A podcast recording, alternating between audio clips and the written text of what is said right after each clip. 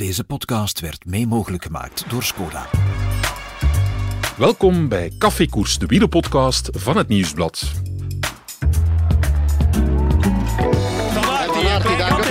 Het is los. Here he goes. Pogacar now, big attack. Van Aert, die het moeilijk heeft hoor in dat wiel van Van der Poel. Explosie door Remco Van der Poel. Here goes the attack.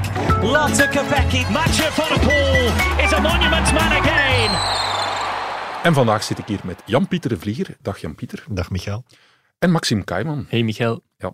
Jullie hebben beide het openingsweekend gedaan. Ja, het was een beetje geaccidenteerd, want onze chef wielrennen Wim Vos die is, die was ziek en zelfs Guy van Langenberg was zo'n beetje pips.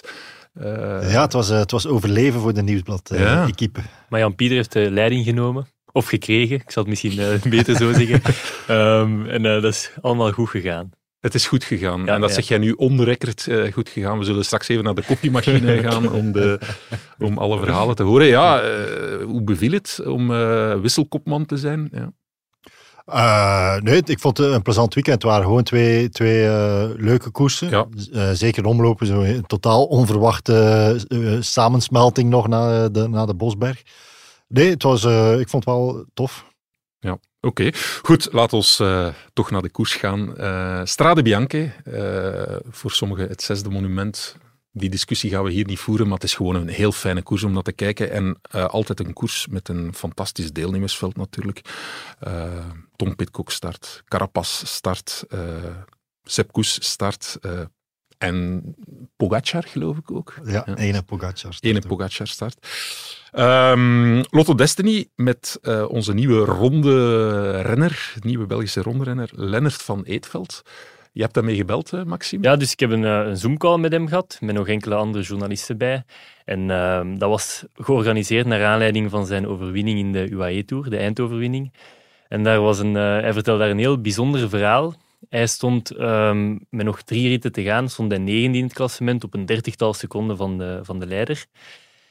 En in de vrijdagrit, dus de, UAE-tour eindigde zondag, dus in de vrijdagrit uh, reed hij met de wagen, of hij zat in de wagen met de dokter uh, naar de start. En de dokter vertelde tegen hem, ja, uh, Lennart, is het misschien geen idee om in de ontsnapping te gaan, want de tempo ligt hier zo laag en de wattages die jij trapt in het peloton zijn zo laag dat je eigenlijk vorm aan het verliezen bent. Wat natuurlijk niet de bedoeling is in een wedstrijd. En Van Eetveld zei ja, misschien geen slecht idee. Um, en hij zocht dan op waar liggen de bonificatieseconden, want die zouden wel eens handig kunnen zijn. Um, hij had dat dan opgezocht Harm van Hoeken zei tegen hem, ik denk in de bus of ik weet niet waar het exact was, van als jij in ontsnapping gaat, ga ik mee. Maar voor de rest was niemand van de ploeg daarvan op de hoogte. Dus ook de ploegleiders niet, de andere, de andere ploegmaat, niemand was op de hoogte buiten uh, Van Hoeken, uh, Van Eetveld en de dokter.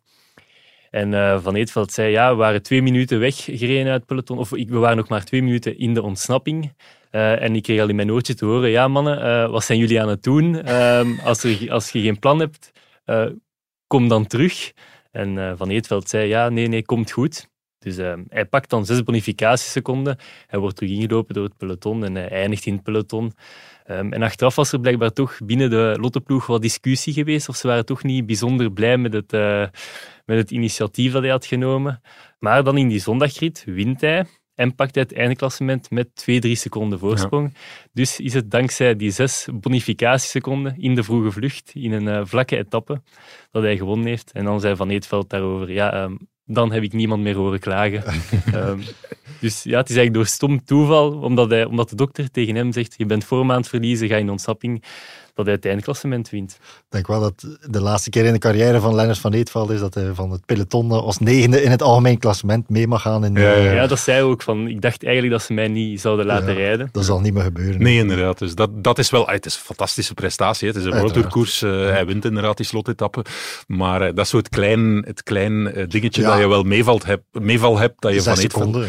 Dat is ook niet... Dat, nee. dat, de, de, zijn zijn prestatie op Jabal Hafid ging over meer tijd dan over Ik vind het ook een fantastisch verhaal, want ik denk dat het uh, tijdens een seizoen ettelijke keren gebeurt dat uh, de puzzelstukjes perfect in elkaar vallen, maar dat er niet echt een plan achter zit en dat dan misschien de ploegleiding achteraf, of dat wij journalisten zeggen van, amai, prachtig gespeeld van die ploeg, maar dat het eigenlijk zo'n beetje als toemelings is. Dat ja, hij... het is ook leuk dat hij dat gewoon toegeeft. Ja, ja fantastisch. Hij had even ook kunnen zeggen van, uh, ik had het al een week niet dit, gedacht. Dit, en... Ik vond het echt op zich een leuk interview. Het was niet dat er zoiets spectaculairs in zat, maar er waren veel leuke dingen. Zo dat hij vertelde ook dat hij, hij was een beetje ontgoocheld over zijn tijdrit in UAE. Hij zegt, ja, moest ik vandaag moeten tijdrijden tegen mezelf als tweedejaarsbelofte, ik zou verliezen.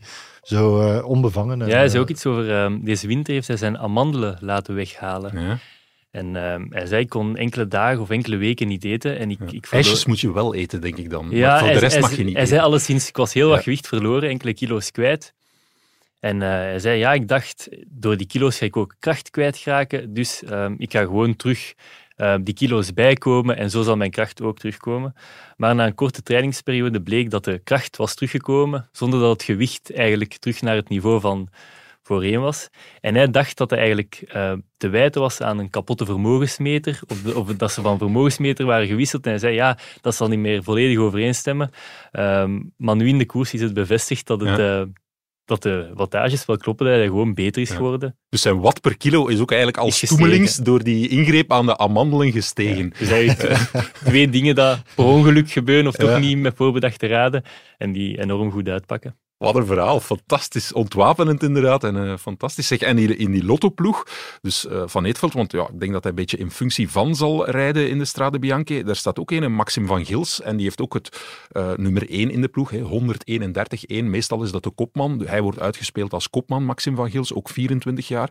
Ja, en als je naar zijn resultaten kijkt, um, terecht dat hij kopman is, want die heeft uh, twee koersen, twee Franse koersen dit weekend die niemand gezien heeft, wij Vlamingen dan toch. De Droom Classic en de Ardèche Classic is hij vijfde en derde geworden. En natuurlijk, iedereen kent het verhaal van uh, de Ruta del Sol, hè, mm -hmm. die door... ja, door boerenprotesten, Boerenprotest, ja, door boerenprotesten telkens ingekort werd enzovoort. Uiteindelijk een heel korte tijdrit. Hij wint die. En ja, virtueel heeft hij die Ruta del Sol gewonnen.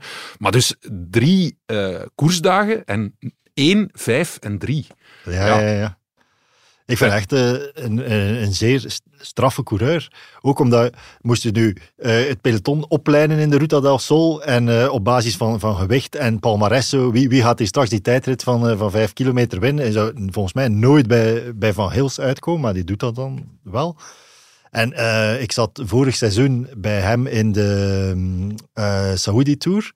En dan was hij in de eerste etappe gevallen, denk ik. Echt, die zag er niet uit. Dat was één pleister de, de, de dag nadien. De dokter zei dat hij een beetje beschaamd was over ja, hoe hard dat hij daarop had zitten, zitten frotten en zo. Uh, maar die gast is... Met een stalen.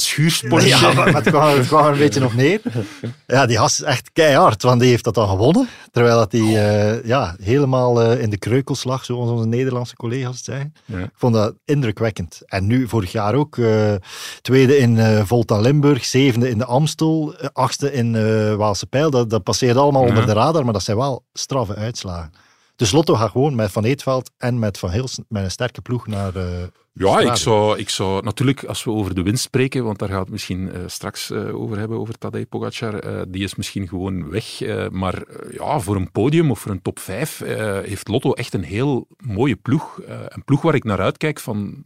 Ja, ja. om ze aan het werk te zien en waar ze kunnen eindigen in de Strade Bianche. Ze zijn natuurlijk wel uh, ja, minder ervaring daar natuurlijk in, in die koers. Dus het is wel een beetje een ontdekking, mm -hmm. maar wel een leuke ploeg en, en iets om naar ja. uit te kijken. Ja, maar als je kijkt naar de deelnemers, um, het is een mooi deelnemersveld, maar het is ook niet... Um, ja, een super, super sterk. Nee, ik vind het ook. De, de van, Aert, van Aert is erbij, Van de Poel is er eigenlijk al ja, de drie podiumplaatsen ja, kunnen bijna zeggen. Zijn. Nee. Nee, want wij, wij, in de discussie van het zesde monument, en, hè, want ja, kijk naar de palmaressen, kijk naar het deelnemersveld, de sterkste renners willen daar allemaal deelnemen, maar dit jaar, mm. met alle respect voor de Strade Bianche, en er staan heel mooie namen op, hè, maar ja, er zijn toch wel een aantal namen die ontbreken ja, ja, ook vooral. Hè. Van Aert van de Poel, ja, dat zijn de twee Ik denk als uh, Van Aert en zijn uh, Visma-ploegmaat straks vanaf E3 alles naar huis rijden, dat Strade een groot probleem heeft, want dan zit iedereen op hoogte volgens mij in uh, de weken vooraf. Ja, ja dus dat... ja, Laat ons naar uh, team Vismalis bij kijken, hè, want zij waren uiteraard het team eh, van het weekend in ons openingsweekend. Uh, zij starten met Laporte, met Koes uh, en Attila Valter natuurlijk. Attila Valter is iemand die het altijd goed gedaan heeft in de strade, heeft al een vijfde en vierde plaats achter zijn naam. Ik ben zeer benieuwd naar Koes, want die heeft in die Spaanse eendagskoersen in het begin van het seizoen vrij goed gepresteerd. een beetje een ontdekking voor hem als eendagscoureur, want ik denk dat hij vorig jaar alleen maar ronde werk gedaan heeft. Hè, dat hij zelfs bijna, of, of zelfs letterlijk geen eendagskoers gereden heeft. Maar hij kwam daar goed uh, voor de dag. En als er nu één koers is, met de hoogtemeters, hij kan ook uh, off-road rijden. En, uh, ja, dat is een mountainbiker geweest. Ja, voilà, voilà. Dus ik zie hem wel alweer, misschien niet voor de overwinning, maar top 5, Dark Horse, ja, denk ik, schrijf hem maar op. Ik denk ook dat hij sinds Vuelta een beetje een klik heeft gemaakt. Sinds zijn winst daar. Ik vind de, de, de interviews die hij geeft en de manier waarop hij koerst, vroeger was het toch altijd, was, was hij de meesterknecht. En dan vond ik dat er van zijn interviews iets minder eigen ambitie uitging. En ik vind dat je dan nu wel merkt dat hij, dat hij beseft dat hij, dat hij goed was. Oké, die Vuelta heeft hij dan um, deels um, ja, gekregen is het foute woord, maar met de goedkeuring van Vingegaard en Roglic gekregen. Uh, maar hij was er wel beter dan al de rest. Of met ja, de goedkeuring van, van Vingegaard. zag, ja. zag jou uh, bedenkelijk kijken, Jan-Pieter. Ja. Um, nee, dus ik denk dat hij een beetje de klik heeft gemaakt. En het is zoals jij zegt, in die Spaanse uh, eendagskoers in het begin van het jaar was hij ook heel goed. Um, terwijl het inderdaad een rondrenner is en geen eendagsrenner. Dus ja, hij zou kunnen verrassen. Ja. Maxime, ja, jij zat in het spoor van uh, Visma Lease Bike in het openingsweekend. Leg eens uit inderdaad, want Van Aert, Benoot, dat zijn eigenlijk normaal gezien uh, kanshebbers voor de Strade Bianchi. Die starten niet omdat... Omdat ze op hoogte vertrekken. Ja. Ze hebben de voorbije jaren gingen ze eigenlijk altijd um, in februari of tot begin maart uh, op hoogtestage. En uh, Tige Benoot die zei deze winter van ik merkte eigenlijk dat uh, vorig jaar de Strade Bianche mijn beste wedstrijd was. Dat was twee weken nadat we terugkeerden van hoogte en dat was dan mijn beste wedstrijd. Um, en die info heb ik dan gegeven aan de ploeg. En dan zijn ze daarmee aan de slag gegaan en hebben ze gezegd, ja, gaan we misschien eens een hoogtestage doen na, de, uh, na het openingsweekend, om dat gevoel van de Strade Bianchi eigenlijk te krijgen in de Ronde van Vlaanderen en in Parijs-Roubaix. Want ik heb met de vorige week of de week ervoor met Ruud van Tienen gebeld. Dat is, dat is een, een, sportarts, een ja, sportarts en onderzoeker aan de UGent die gespecialiseerd is in hoogte. Mm -hmm. heeft ook Victor Kampenaars begeleid bij zijn uh, werelduurrecordpoging.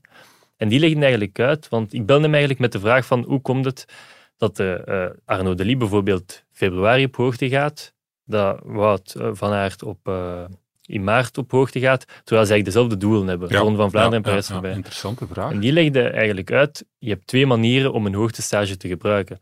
De eerste manier is wat dat Van Aert en Benoot en zo um, tot vorig jaar deden. En dat is die hoogtestage gebruiken om daarna harder te kunnen trainen, ja. beter te kunnen recupereren en door die betere training in de Ronde van Vlaanderen goed te zijn. Maar dan zijn de rechtstreekse effecten van die hoogtestage eigenlijk al weg. Ja. Want die blijven maar zes tot acht weken in je lichaam. En de tweede manier is om effectief de rechtstreekse effecten van de hoogte, dus de meer uh, rode bloedcellen in je lichaam, de efficiëntere opname van zuurstof, uh, om die te gebruiken in de wedstrijd zelf. En dat doe je door net voor die wedstrijden op hoogte te gaan. En dat is wat, um, wat Visma Lease Bike, of een deel van de ploeg, nu doet. Want de beste, het beste ben je als je twee à drie dagen van hoogte komt, of twee weken van hoogte. Ja. En de Ronde van Vlaanderen ligt ongeveer twee weken nadat uh, ze terugkomen van de hoogtestage. Ja. Dus en uh, Van Aert inderdaad uh, wilde een nieuwe aanpak. En dat is ja. dus de nieuwe aanpak om nu met de rechtstreekse effecten van die hoogte naar zijn belangrijkste doelen te gaan. En, het heeft ook een beetje te maken met het Giro dat erachter komt, ja. omdat ze dan de vorm iets langer moeten doortrekken. Want ja, hoogtestage, je hoort dat ook nu. Van Aert is daar, uh, ik heb het in onze podcast vorige week opgezocht, namelijk welke arbeid wordt er verricht op de hoogtestage, uh, naar aanleiding van de discussie met, uh, met De Lee. Maar wat mij vooral opviel is, Van Aert die traint keihard op hoogte. Maar voor veel renners is het ook een afweging, want een hoogtestage heeft altijd, in het Engels noemt dat een kost. Hè. Je hebt een nadeel, je kan minder hard trainen dan... dan ja, dan gewoon op C-niveau. Dus je traint wel minder hard, maar je hebt voordelen van de hoogte. Ja, dat vertelde Ruud van Tienen ja. ook. Op hoogte, iedereen reageert daar goed op. Iedereen heeft daar een positief effect van. Maar de manier waarop verschilt.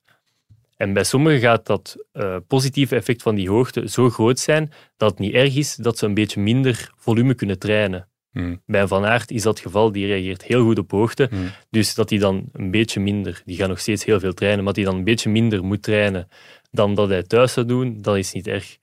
Er zijn sommige renners die goed reageren op hoogte, maar die eigenlijk meer voordelen eruit halen door een volledige trainingsblok te doen, volledige uh, volume. En uh, bij hun is het dan beter om vroeg op hoogte te vertrekken en dan de weken voor de Ronde van Vlaanderen uh, stevig te trainen. Mm. Laporte bijvoorbeeld, dat is iemand die wel al op hoogte geweest is hè, bij die Visma Lease bikeploeg. Dus die heeft het dan weer anders aangepakt. En ja, dan zou die, die hoogte uh, nu misschien in de Strade Bianche moeten werken. Ja, dat was ook wel een, een, een, een, grappig verhaaltje na de, na de omloop. Ik stond dan bij Arthur van Dongen, bij de ploegleider van um, Visma Lease Bike. En ik vroeg hem, ja, Van Aert op de Berendries uh, was wel goed, maar nog niet super, super. Heeft dat te maken, of ligt dat aan het feit dat hij nog niet op hoogte is geweest? Uh, en Arthur van Dongen bevestigde dat. Hij zei, ja, dat is echt een groot verschil. Kijk maar naar Laporte en Jorgensen. Die uh, komen van hoogte en die zijn direct supergoed. Dus dat, dat Van Aert nog niet op hoogte is geweest, dat is misschien een verklaring waarom dat hij nog niet um, op de Berendries dan kon volgen. En dan kom ik terug in de, in de perszaal. En dan vertel, vertelt Jan Pieter, of, ik, of las ik het, ik weet niet of je het mijzelf verteld hebt, maar dat bij Quickstep ze er een andere redenering op nahielden. Wel, um, ja, voor Quickstep viel het resultaat in de omloop tegen, want die had niemand bij de eerste twintig. En Tom Steels vertelde met zoveel woorden aan de bus ja, maar ja, wij komen van hoogte. Ehm, dat is niet onverwacht dat dat een beetje minder is. Dus dat is een soort ja, paspartout geworden om aan de ene kant uit te leggen waarom dat iets goed gaat en aan de andere kant waarom dat iets nog niet goed gaat. Ja, en de dag nadien in Kuurne, Yves Lampaard, uh, legden we dat voor, dat verschil tussen, ja, Jumbo zegt, wij zijn goed, want we komen van hoogte. Jullie zeggen, wij zijn niet goed, want we komen van hoogte.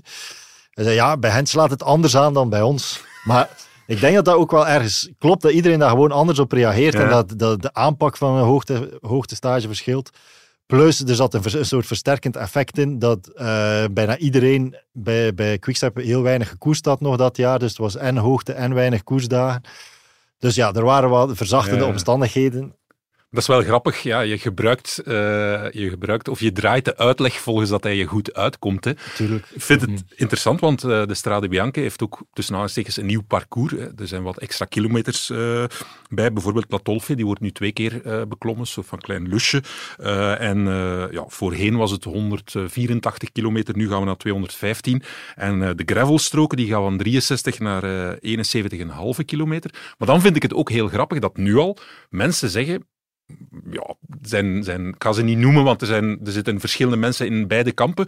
Maar er is één kamp dat zegt van, ja, dat is jammer dat er kilometers bij zijn, want nu gaat de koers veel meer gesloten blijven. Hè, want iedereen heeft schrik van die vele kilometers en alles gaat meer samen blijven. En dan heb ik evengoed mensen horen zeggen, analisten horen zeggen, nu vooraf van, ah, dat is goed, want de koers gaat veel vroeger opengebroken worden. Dus ja, en we zullen zien welke koers het zaterdag wordt, maar er zullen er zijn die zeggen van, zie je wel, ik had gelijk. en de anderen zullen natuurlijk zwijgen. Maar je kan alles draaien ja, volgens dat je het wilt natuurlijk. Hè. Het zijn, zijn de renners die de koers maken. Voilà, zo, zo, simpel is het eigenlijk. Hè. En Wim Vos uh, zou zeggen, the proof of the pudding is in the eating. Uh, dus we, ja, we zullen het zien. Hè.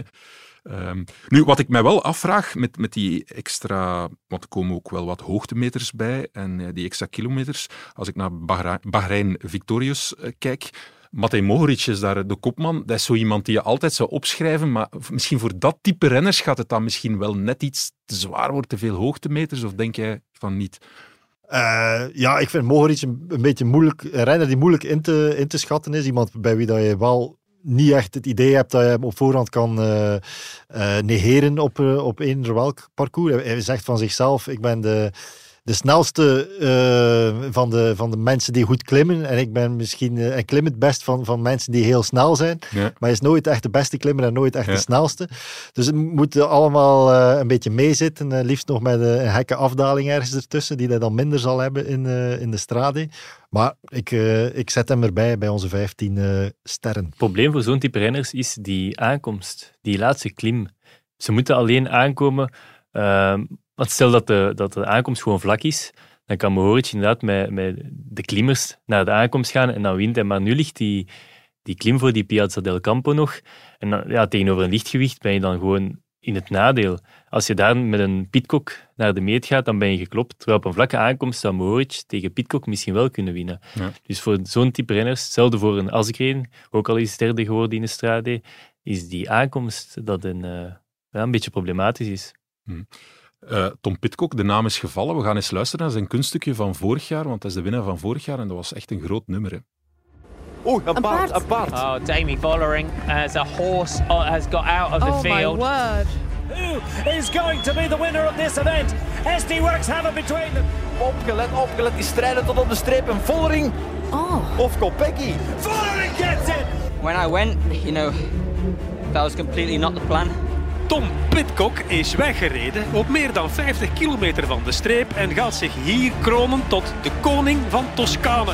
Tom Pitcock has his own appointment with history in this modern classic. Uomo solo. Al comando, enorme. Thomas Pitcock. Valentin Madouas, na derde in de Ronde van Vlaanderen, tweede in de Strade Bianchi. Benoot na winst in Kuurne, derde. Ja, Tom Pitcock, ex-winnaar. Ehm, je zou hem altijd opschrijven, maar het is een beetje een enigma geworden. Hè. Ik weet echt niet wat ik van zijn seizoensbegin moet maken. Dat is niet slecht, maar dat is ook niet goed. Die omloop ook. Ja, hij zit daar wel bij, maar echt zijn stempel drukken lukt niet. En ik, ik weet het eigenlijk niet hoe uh, GP. Uh, Nathan van Ooydonk, onze analist, die haalde de Berendries aan als een helling uh, die Pitcock heel goed moet liggen, omdat hij dan uh, rechtstaand op de trappers die kan, kan nemen. Maar ja, daar kwam hij wel een beetje in de problemen. En eh, ik zat uh, naast collega Hugo Korvits en we waren er alle twee van overtuigd dat uh, Pitcock de beste man in koers was, tot hij dat plots helemaal niet meer was. Ja.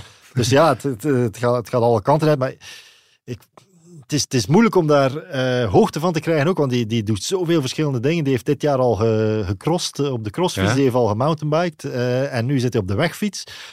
Die heeft veel verschillende projecten en ik weet niet, het is zo'n gespecialiseerd gedoe geworden. We hebben hier al over hoogtestage gaan. Wanneer moet je ze timen en, en wanneer mag je ze niet timen?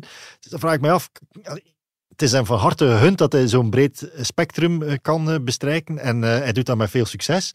Maar maakt hem dan niet een klein beetje minder competitief, vraag ik me af, ja. in uh, het wegwielrennen. Ja. Stad is volgens mij wel de klassieker die hem het beste ligt. Dat ik weet het, maar, maar ga je hem nu in jouw prono... Als, als, als gevraagd wordt een top 3, hij is ex-winnaar, het ligt hem. Ga je hem in jouw top 3 zetten? Ja, gewoon al met die stuurmanskunsten. Ik denk dat we onderschatten hoeveel belang dat, dat, dat, dat, dat, daar, dat er kan gehecht worden aan de daalkunsten van iemand. Op die, op die gravelstroken kan je veel energie sparen als je er altijd goed doorkomt. Hmm. Maar omdat je naar mijn pono vraagt, we hebben een, uh, een naam nog niet genoemd, die ik graag zou opwerpen, en dat is Daniel Felipe Martinez. Ah ja. Die was in de Algarve heel goed. Twee Want? keer Evenepoel geklopt. Mm. Um, explosief, dat hebben we ook gezien in de Algarve. En ja, is al op hoogte geweest. Hè? Dat, uh, toch, ja, dat was in de Algarve toch het verhaal dat ja. hij al op hoogte geweest Maar dat is ook een Colombiaan, denk ik, dus die zal leven op hoogte. Ja, die is altijd op hoogte, een beetje. Ja. ja. als hij in Colombia nog woont, dat weten we eigenlijk niet. Nee. Um, maar ja, ik denk dat dat wel iemand is die, die zou kunnen verrassen. Ja, zeer terecht. Uh, zeer uh, mooie naam. Ja, de broertjes Yates, die starten ook, maar die hebben er eigenlijk... De ene is nog nooit ja, gestart. Adam Yates start niet. Die, want die was gevallen in de UAE-tour ah, op ja, zijn juist. hoofd. There's, yeah, that's Adam This Yates, right? He was the happened. first rider to come down, so you could see him right at the front of the screen. On the left, he's just had a look down, and I'm pretty sure he overlaps the wheel. Starts to look like he's running. Oh, That slings him under, but you can just see how hard head. Die heeft een hersenschudding opgelopen. ja, dat ja. zag er, Simon start, ja. Ja, dat is ook start. iemand die je zou kunnen opschrijven. Dan bij eh, DSM, Romain Bardet. Het is al een tijdje geleden, maar in 2018 Ik had, is hij eh, tweede geworden. van een collega een verhaal gehoord over eh, de Yates. Ik vond het grappig. Eh, toen ze nog voor dezelfde ploeg reden, eh, bij Orica Green Edge denk ik dat Ja. was. En eh, ze wisselden, in, ik weet niet meer in welke ronde, maar ze wisselden elke dag van, van eh, wie dan nu aan de leiding stond in de- het klassement van de witte trui. Dus op een bepaald moment kreeg de bewuste collega in de mixed zone de, een Yates in witte trui voor zich. En hij wist niet meer, Simon of Adam? Ja. En hij sprak hem aan met Saddam. Saddam Yates. Fantastisch. Ja. Dus ja, ze starten nu niet samen, eh, dank voor de correctie. eh, maar anders hadden we kunnen zeggen, eh, ons makkelijk vanaf kunnen maken. Saddam Yates start in de straten Bianchi. Je gezin is net als een wielerploeg. We moedigen elkaar aan. En we weten dat we met de tips van onze ploegleider we alle kansen hebben om echte kampioenen te worden. Skoda, supporter van de grootste fietsfamilie. We hebben ook een nieuw kindje, want dit is cafékoers, maar er is uh, een nieuw kindje en dat is stamcafékoers. En dat klinkt zo. Dag op dag kan ik u zeggen wanneer dat hij gaat geboren worden. Voilà. En wanneer dat hij verwekt is dus. Ja, wel, maar op die moment zeg ik, nu ga ik hem verwekken. En dan nog een Coureurs kunnen pieken op alle vlakken. echt, uh...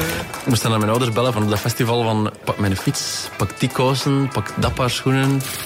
Vincent was aan het wenen, Bardet was aan het wenen. Was aan het wenen? Ja, ja omdat hij wist van, we hebben die jongen hier iets, iets aangedaan en dat was een drama.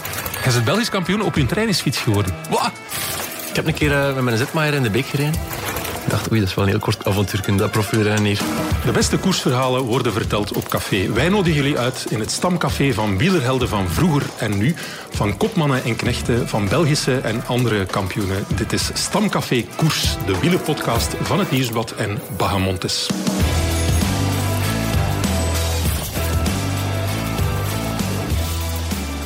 Ja, het is inderdaad een samenwerking van het Nieuwsblad en Bahamontes. Met Jonas Heirik doe ik dat. Uh, heel fijn eigenlijk. Ik heb zelfs uh, bij een van de, de afleveringen, dus degene die nu online staat, die van Oliver Naassen. Ik moet zeggen dat ik een tijdje mijn buikspiertrainingen een beetje verwaarloosd heb, maar ik had echt pijn aan die van het lachen aan mijn buikspieren. Dus zeker en vast luisteren. Hebben jullie al geluisterd? nee, dus, nee. hij staat nog maar een paar uur ah, online. Dus. We waren de podcast aan het voorbereiden. Ja, nee. Ik wilde zeggen, door de jaren heen uh, hebben wij altijd bij het Nieuwsblad zo verschillende interviewconcepten. Vroeger was dat nog alles puur in functie van de krant en interviewconcepten.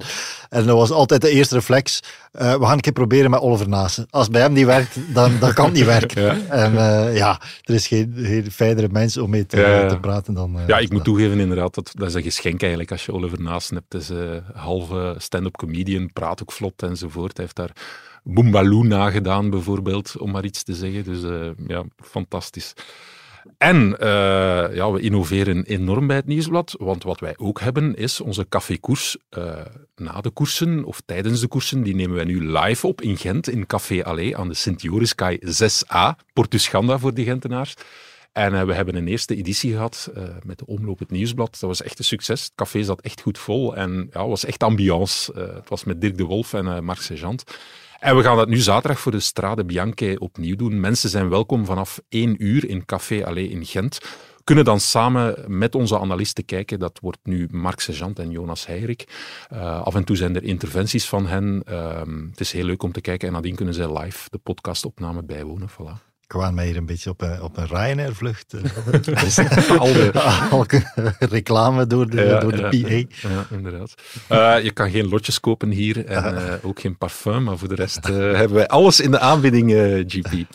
Nog een leuke ploeg, JF Education, Easy Post met Carapas, eigenlijk ook nooit echt potten gebroken, maar bon, een leuke renner, altijd met het best tussen de tanden dat hij koerst. En vooral Ben Healy, die start er ook. Ook fijn, kijk ook naar uit. Geen ervaring daar, maar ja, schrijf hem ook maar op, denk ik. Dat was ook in de Algarve goed, hè. Die was mee in die ontsnapping met, met Van Aert. Ja. En Bettiol niet vergeten. Ja. Die doet, Strade is ook een wedstrijd waar hij het altijd goed doet. Mm. Maar daar heb ik zo'n beetje hetzelfde gevoel bij als, uh, als bij Pitcock. Je weet niet je wat weet je mag van verwachten. Op WK was hij dan ook weer supergoed. In 2019, als hij de Ronde van Vlaanderen wint, rijden daar op zijn, uh, allez, van het zadel Andanseus de Kwaremond op. Dat heb ik nog nooit iemand zien doen, Andanseus op de Kwaremond gaan.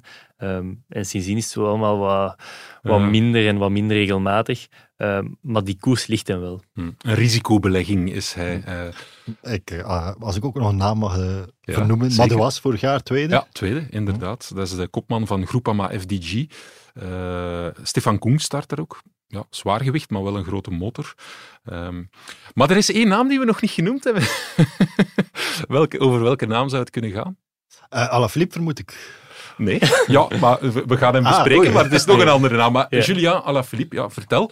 Uh, vertel, waarom, uh, waarom mogen we hem bij de kanshebbers rekenen of net niet? Het zou hem altijd moeten liggen, hè? ex-winnaar. Ex-winnaar. Ehm, binnen de ploeg waren ze na zijn openingsweekend relatief positief over zijn prestatie. Het was mij niet helemaal duidelijk of dat dan nu was uh, omdat hij echt wel goed was, of dat, dat ze hem een beetje uit de wind wilden zetten na de kritische opmerkingen van uh, Lefevre. Maar je hoorde bijvoorbeeld van, ja, hij is lekker gereden voor de Berendries. En halverwege de Berendries zat hij alweer in het peloton. Dus hij, hij, had echt wel de benen. Hij zat in de buurt van Tratnik de hele dag. Dus als het weer samen had gekomen, had hij niet gevallen dan Ik weet het niet of, dat, of dat we echt zo, zo positief naar zijn prestatie moeten kijken. Voor mij is het ook een beetje de, de steekproef voor zijn voorjaar, zo uh, nu Strade. Ja, de als hij daar niet meedoet, als hij een koers heeft zonder problemen en daar niet meedoet, is toch een beetje zorgwekkend, zou ik denken. Inderdaad, want het ligt hem. Het is ook een koers die niet ligt. Uh, ja, behalve natuurlijk als je pech hebt. Maar uh, laat ons dat nu eens, eens uitvlakken uh, deze keer. Dus als hij nu door de mand valt, ja, dan is dat echt een vaag teken. We verwachten hem daar. natuurlijk wat Alaphilippe wel een beetje heeft als hij minder goed is, dan begint hij van heel ver aan te vallen. En dan zie je hem wel. Ja? En dan denk je van, ja, we hebben hem toch gezien. Maar dus ik, ik zie hem nog in staat, als hij minder goede benen heeft, om, om zo, zo'n tour af te werken. En dan gaan we er toch weer zitten van, ja, ja, wat moeten we daar nu van maken? Uh, het is een heel rare kerel, uh, die Alaphilippe. De, de naam waar dat jij op doelde daar straks, was Pogacar? Ja, tuurlijk! Okay. maar ja, tuurlijk. Uh, GP, Tadej ja, ja, Pogacar, zijn eerste koers van het seizoen ex-winnaar uiteraard, eh, ook met een fantastisch nummer in 2022. Ja, en eigenlijk alles wat wij tot dusver besproken hebben, zou je kunnen zeggen, dat gaat om de strijd, van de, de strijd om de tweede plaats. Want die eerste plaats, ja, is er iemand die eraan twijfelt dat Pogacar die gewoon gaat wegkapen? Of zijn er argumenten om te denken dat hij niet zou kunnen winnen? Uh, ik zie die niet direct. Ik, ben wel, ik geloof er wel in dat hij uh, topfavoriet is. Ik zag ergens een, een voorbeschouwing op Strade met de, de titel uh, Peloton versus Pogacar. Ja. ja. Ik denk dat het wel een beetje zo zal zijn. UAE heeft ook een supersterke ploeg in tegenstelling tot veel andere ploegen. Ja, als we die ploeg overlopen, dat is, dat is echt om van te duizelen. Isaac del Toro, hè, de jonge Mexicaan, die al fantastische dingen laten zien uh, heeft. Maar ook Mac Hishi, die... Uh, Recent gewonnen heeft in Frankrijk. Ja, in Frankrijk. Een van die twee koersen uh, die wij allemaal niet gezien hebben. Tim Welles natuurlijk, die fantastisch ja. openingsweekend gereden heeft. Ja, en dan heb je nog jonge gasten. Uh, dat is echt een talent ook blijkbaar. Uh, Filippo Baroncini. Um, enfin, een fantastische ploeg. Uh, de, de, enige kanttekening dat je volgens mij bij Pogacar zijn vorm kan maken, is dat hij nu met die Giro zit, dat hij na zijn voorjaar doet, mm -hmm. waardoor dat hij iets later in vorm zou moeten zijn. Want nu in topvorm zijn en dan in mei ook in topvorm zijn en dan in juli ook in topvorm voor de ronde en dan 2K of de Olympische Spelen daarna dan zou het kunnen zijn dat, ze, dat hij iets minder goed in vorm is. Langs de andere kant heeft zoveel klassen, zelfs op 90% is de kans redelijk groot dat hij wint. Maar ja. inderdaad, Tim Wellens, ja, ook, een, ook een grote kanshebber. Hè? Tuurlijk. Die was in het openingsweekend samen met Van Aert de beste renner. Mhm. Ik hoop eigenlijk uh, voor Tim en, en gewoon bij alles wat hij toont, dat hij echt zo een grote vis in het voorjaar kan winnen. Want hij is altijd de man geweest die vroeg in vorm was en dan meestal ja, een van die tussen aanstekens kleinere koersen vaak ook won uh, in Spanje en zo. Maar uh, ja, met de vorm die hij nu heeft, hij zegt natuurlijk blijkbaar zijn trainer zegt van je, vorm, je hoge vorm moet nog komen, maar hij rijdt al ongelooflijk. Ik zou het hem zo gunnen dat hij, dat hij echt zo eens een, een strade wint of, of ja, het zou eigenlijk een, een, een, perfecte koers zijn om, om echt zwaar mee uit te pakken. En ik zie het hem echt wel nog doen. Hij is ook ex-mountainbiker, hè? dus uh, ja, ja, qua stuurmanskunsten ziet het goed. Ja. En wie weet, ja, natuurlijk, je zit in die ploeg met uh, Tadej Pogacar, maar ja, à la Visma Lease Bike, dat als je zo een grote kopman hebt, dat je dan toch ergens uh, op een bepaalde manier daarvan kan ja, profiteren. En dat je ook een, een grote hunfactor is van Pogacar ten aanzien van, van ja. Welles. Dus dat komen goed overeen. Daar komen zeer overeen. Dus daar zal ook het probleem niet, uh, niet zitten. Ja. Ik was, uh, als journalist ga je soms de, de mosterd eens op, op fora uh, gaan, gaan halen. er was iemand op een forum die beweerde dat hij inzicht had in de trainingsfiles van Pogacar in Training Peaks. Ja. En hij had als bewijs uh, ook een screenshot daarvan uh, gepost. Een hacker of zo, ja. Ja, weet het niet. het is ook nog niet 100% uh, ja, geverifieerd of het wel correct is, maar in een podcast leed het is een goed verhaal, dus, journalistieke standaarden lager. Maar dat was zeer indrukwekkend. Dat was een training van 24 februari. En als die waarden kloppen, ja, dan is hij wel klaar om in Strade iedereen lastig te ja. Ja, ja. ik heb ook een, een podcast beluisterd met uh, Niels Pollitt in het Duits. En uh, die zei toch ook wel, die is nieuw bij de ploeg gekomen, hè, dat hij echt, echt zeer zwaar onder de indruk was van, uh, van wat Pogacar op training doet. En dan vooral als hij een langere training doet dan de, de laatste klimmen of de, de laatste klim van de training, dat, ja, dat die zit te fluiten en, grapjes te maken terwijl iedereen gewoon aan het sterven is. Nu, Niels Pollitt is iets zwaarder dan uh, Tadej Pogacar, maar die is toch ook wel een en ander gewoon. Komt van Bora. Uh, ja, heeft daar toch ook wel uh, straffe namen aan het werk gezien, maar hij was echt zeer zwaar onder de indruk van wat Pogacar op training doet. En blijkbaar ja, met de glimlach al fluitend kost het hem ook geen moeite. dus ja. Nu, Maxime, we zijn eens gaan kijken op Pro Cycling Stats naar de, de seizoenstart van Pogacar. En eigenlijk, als we willen teruggaan naar zijn eerste koers waar hij niet gewonnen heeft. Pas op, er zijn ook rittenkoersen bij. En dan, dan tel ik niet letterlijk de eerste etappe van die rittenkoers, maar winnen in de eerste rittenkoers. Dan moeten we eigenlijk teruggaan naar 2019 om een seizoensopener van Pogacar terug te, komen, terug te vinden waar hij niet meteen wint.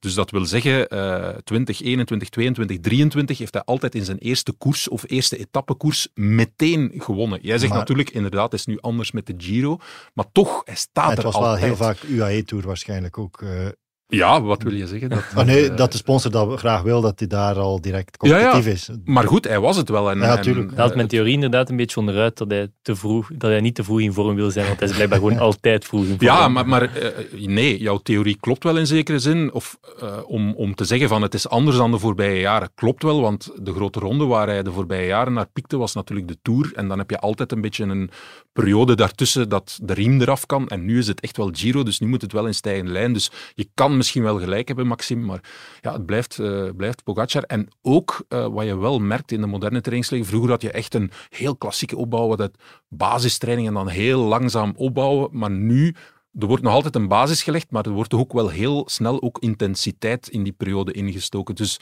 dat is een beetje de verklaring waarom, waarom renners, uh, zelfs bij hun seizoensopener, hè, we hebben dat bij Evenepoel gezien, ook toch al een bepaalde explosiviteit hebben waar ze dat vroeger niet hadden. En ik vind dat je ook altijd kan zien aan hoe ploegmaats rijden, dat je daaraan kan afmeten hoe de kopman gaat rijden omdat ze toch vaak ja, dezelfde trainer hebben of toch dezelfde trainingsfilosofie. Ja. Um, dus als Polit goed is en als Wellens goed is, dan zou het mij verbazen mocht Pogacar niet goed zijn. Ja.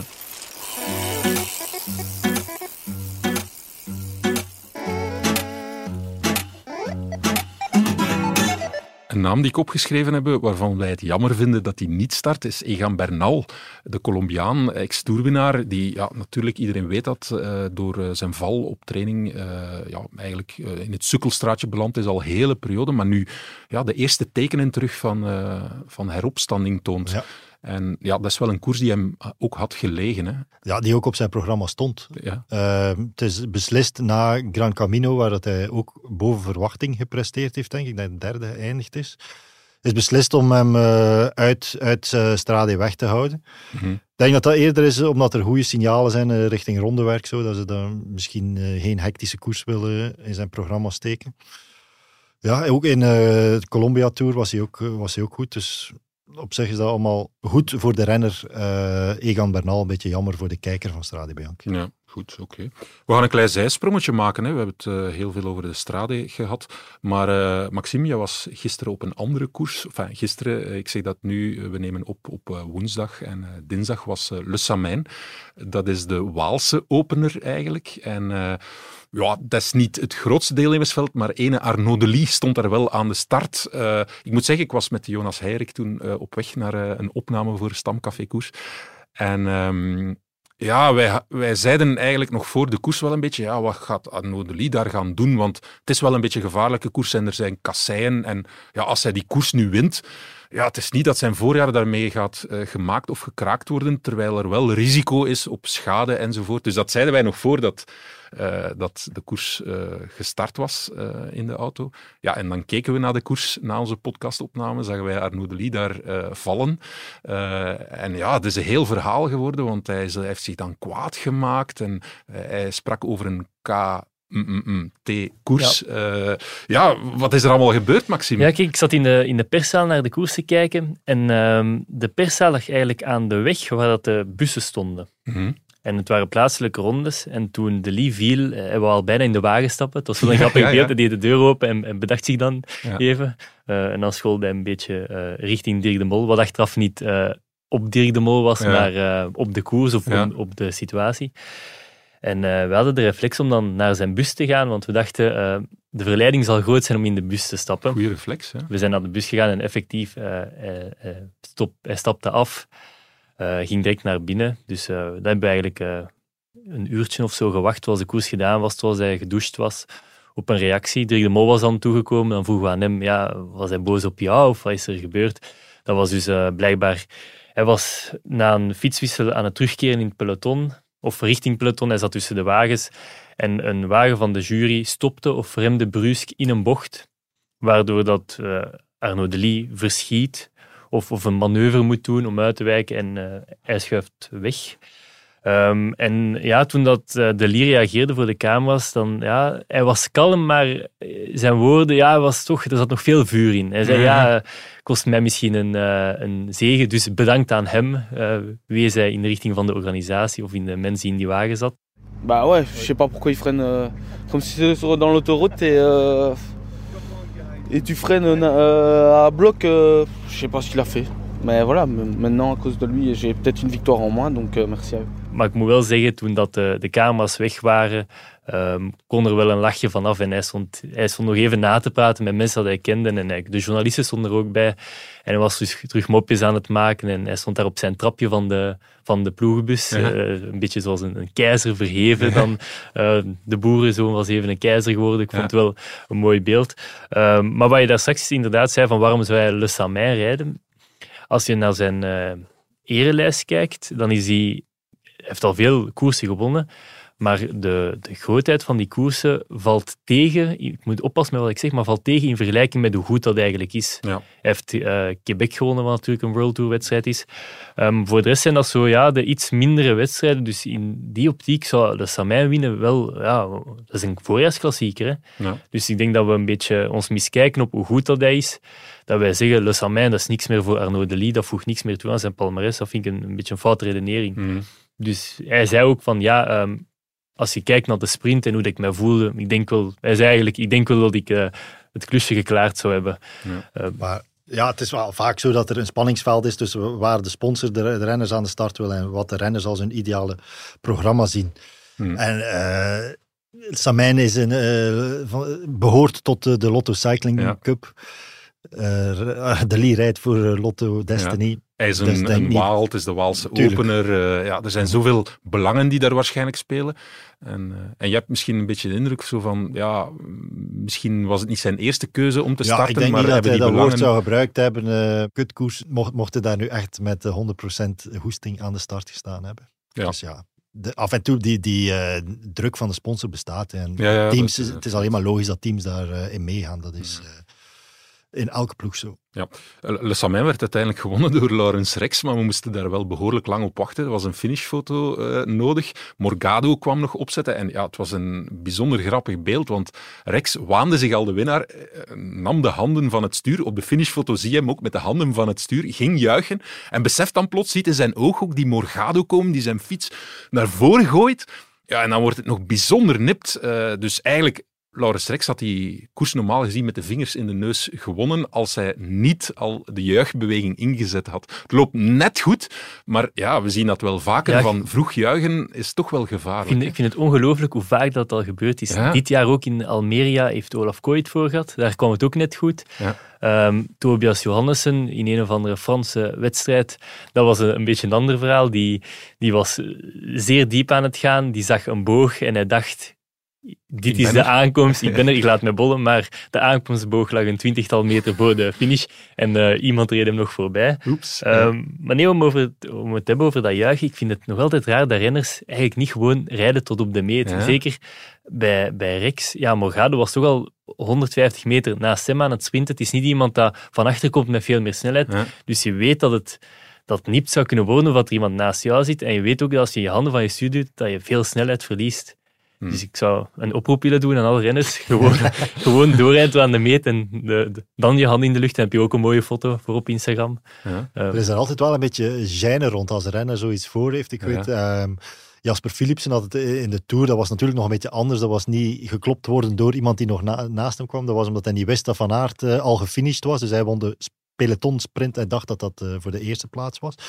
Maar hij vond dat niet leuk als hij daar vragen op, op kreeg. Dat werd altijd snel afgewimpeld. En uh, Alaphilippe had het ook twee keer voor uh, in de Brabantse Pijl en dan in, uh, in Luik. Maar het jaar ontsnapt mij, denk ik, al twee of drie jaar. 2020 was het corona jaar.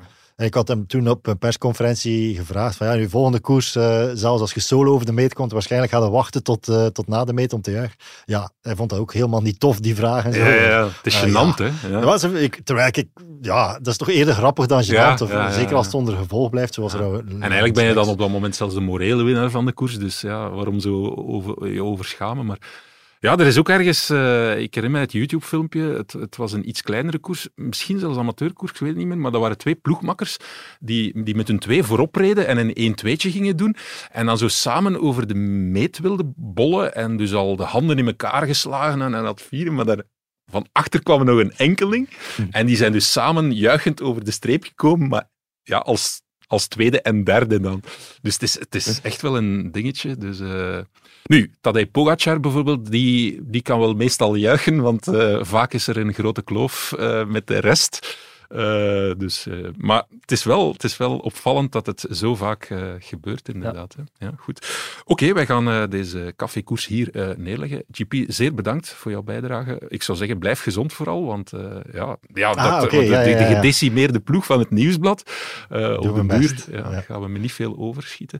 Um, ja, Maxime, jij bent nog jong, jij blaakt van gezondheid. Bij jou zal het wel lukken, zeker? Ik hoop het, ik hoop het. de verontwaardiging bij, bij GP nu. Jij bent ook jong, Jan-Pieter. Ja, jij bent ook jong. Jan-Pieter. Maar ik blaak ook van gezondheid. Je blaakt ook van gezondheid, zeker en vast. Goed, uh, bedankt aan het Nieuwsblad, bedankt aan onze productieploeg, bedankt aan onze sponsor uh, Skoda. Ik ga nog eventjes uh, het Ryanair-bandje opzetten, GP. Dus Café Allé, zaterdag kun je daar de Strade Bianche komen volgen in Gent. Sint-Joris Kai 6a vanaf 13 uur. En uiteraard ook luisteren naar onze niet cafékoers, maar stamcafékoers. Dat zit op een apart podcastkanaal. Je kan het ook op YouTube bekijken. De eerste aflevering is met Oliver Naassen. Zeker en vast luisteren. Voilà, goed. En vooral bedankt aan uh, jou, beste luisteraar en uh, beste kijker in het geval van uh, Stamcafékoers. Tot de volgende, tot Cafékoers.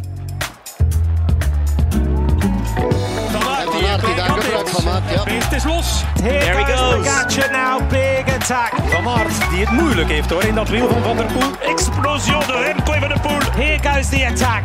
Lotte Kopecky. Matcher Van der Poel is a monument man again.